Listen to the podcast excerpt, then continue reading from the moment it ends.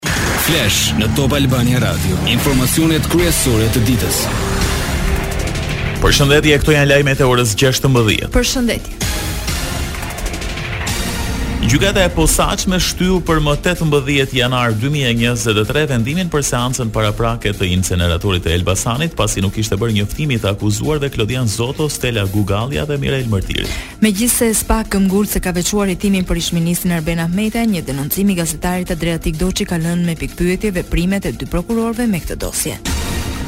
Janë disa fatura të paguara nga Klodian Zoto me përfitues ish-ministrin e Financave Arben Ahmetaj, që në disa episode udhëtoi dhe u akomodua në hotele luksoze jashtë Shqipërisë. Avokati i Klodian Zotos jep këtë version. Në drejtësi shkohet me letra dhe me letra unë them që prokurorët kanë kapërcyer kompetencat, kanë kapërcyer akuzat duke i rënduar të gjithë pandehurit në përgjithësi, po këtu unë përfaqësoj interesat e klientit tim, që e kanë rënduar në mënyrë të jashtëzakonshme. Është fajtor apo s'është fajtor këtë do ta shpallë gjykata, por gjasat dhe pritshmëritë në këtë situatë që neve jemi, duket që ai do të. Çfarë parashikoni për procesin paraprak? Ne kemi disa kërkesa procedurale të cilat do t'i bëjmë në datën tetëmbëdhjetë dhe pastaj masi t'i bëjmë unë do t'jua komentoj edhe ato.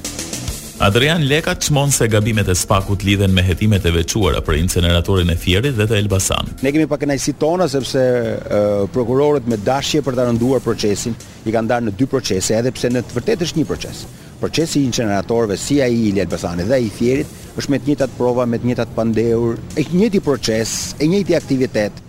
Edhe, megjithatë, i kanë ndarë në dy pjesë, duke i rënduar me akuza të ndryshme. Nëse është bërë një korrupsion për sistemin e inceneratorëve, ai është një vepër penale, pavarësisht janë apo s'janë fajtorë. Në burg për dy inceneratorët janë përveç komisioneve të koncesionarit edhe ish-ministri Lefter Koka dhe ish-deputeti Alqi Bllako, por jo Arben Ahmetaj. Afrimi i natës së ndrrimit të viteve shton fluksin e lëvizjes së mjeteve që për Tiranën bëhet më e ndjeshme. Komisariati i Qarkullimit Rrugor ka bërë një organizim të shërbimeve 10 ditë para festave të fundvitit. Fokusi lirshmëria e trafikut.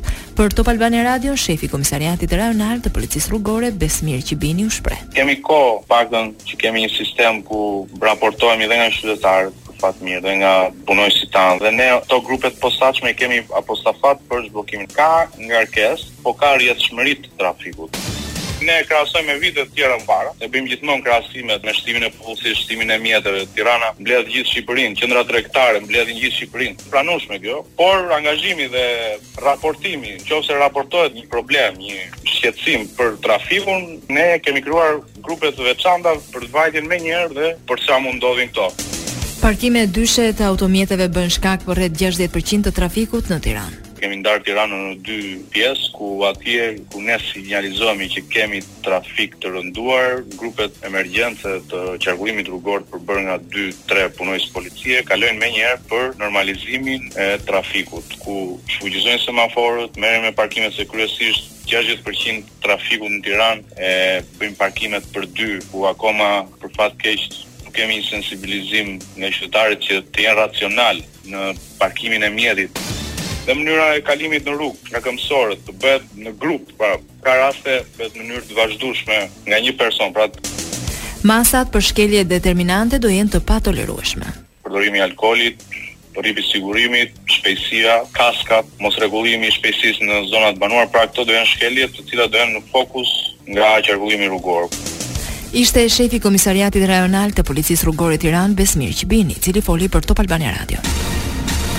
Gratë kryefamiljare me ndihmë ekonomike do të përfitojnë nga 20.000 lekë nga pakoja e madhe e mbështetjes nga qeveria. Kjo mbështetje vjen pas dyfishimit të ndihmës këtë vit, bonusit të vitit të ri si dhe pagesës së sigurimeve shoqërore e shëndetësore nga shteti duke nisur prej 1 janarit për të lehtësuar plotësisht impaktin e inflacionit. dhjetë mijë lekë shpërblim edhe për punonjësit e Policisë së Shtetit nga paketa e ndihmës. Tabloidi britanik Daily Mail publikon lajmin e pranimit të 50 të burgosurve shqiptarë nëpër burgjet britanike, duke e cilësuar si një gjest i vullnetit të mirë me rastin e vitit të ri nga ana e qeverisë shqiptare. 50 të burgosur kanë pranuar vullnetarisht të vuajnë pjesën e mbetur të dënimeve nëpër burgjet e tejmbushura shqiptare. Dhjetë të parët do mbërrijnë me avion charter në javët e para të janarit në aeroportin e Rinasit. Lajme nga rajoni.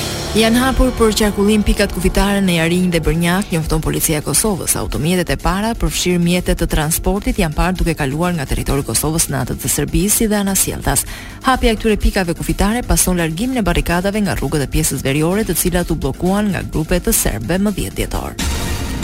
Policia e Kosovës thotë se zyrtarët policorë në veri të vendit do të vazhdojnë me realizimin e detyrave dhe autorizimeve ligjore në interes të rendit publik. Bllokimi i rrugëve ndodhi pasi më 10 dhjetor institucionet e Kosovës arrestuan ish-policin Dejan Pantiç. Pantiç u arrestua nën dyshimet se ka organizuar sulmin ndaj zyrave të Komisionit Qendror Zgjedhor në fillim të muajit dhjetor në Mitrovicë të Veriut si dhe në Zubin Potok.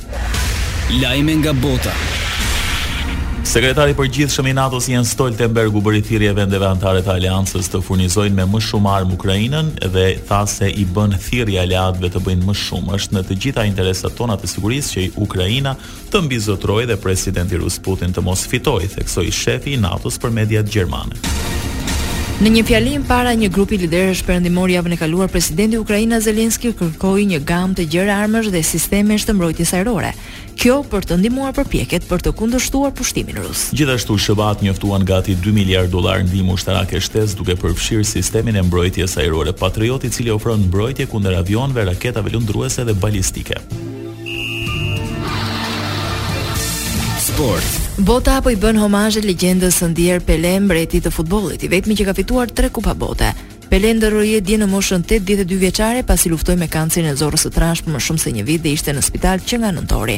Shumë janë në lot për mbretin e futbollit. Presidenti brazilian në largim, Jair Bolsonaro shpalli tre ditë zi kombëtare. Federata Braziliane e Futbollit postoi një foto ku mbi një portret bardhezi shkruhej i përjetshëm. Presidenti i FIFA-s Infantino u shpreh se për të gjithë ata që duan lojën e bukur, kjo është dita kur nuk kemi dashur të vijë. Nuk munguan reagimet e liderëve në botë, presidenti amerikan Joe Biden theksoi se Pele ishte një histori e asaj që është e mundur. Një dedikim edhe nga presidenti francez Emmanuel Macron, i cili në Twitter postoi fjalët Loja, mbreti, përjetësia. Mediat sportive gjithashtu reaguan. Francezja L'Equipe e quan më të madhin, ndërsa argjentinasja Ole shkruan Topi po qan, Pele ka vdekur. Ndoqët një përmbledhje kryesore të lajmeve të ditës. Edicioni i radhës është në orën 17. Unë jam Edi Hallaç. Unë jam Ani Bame. Kjo është Top Albania Radio.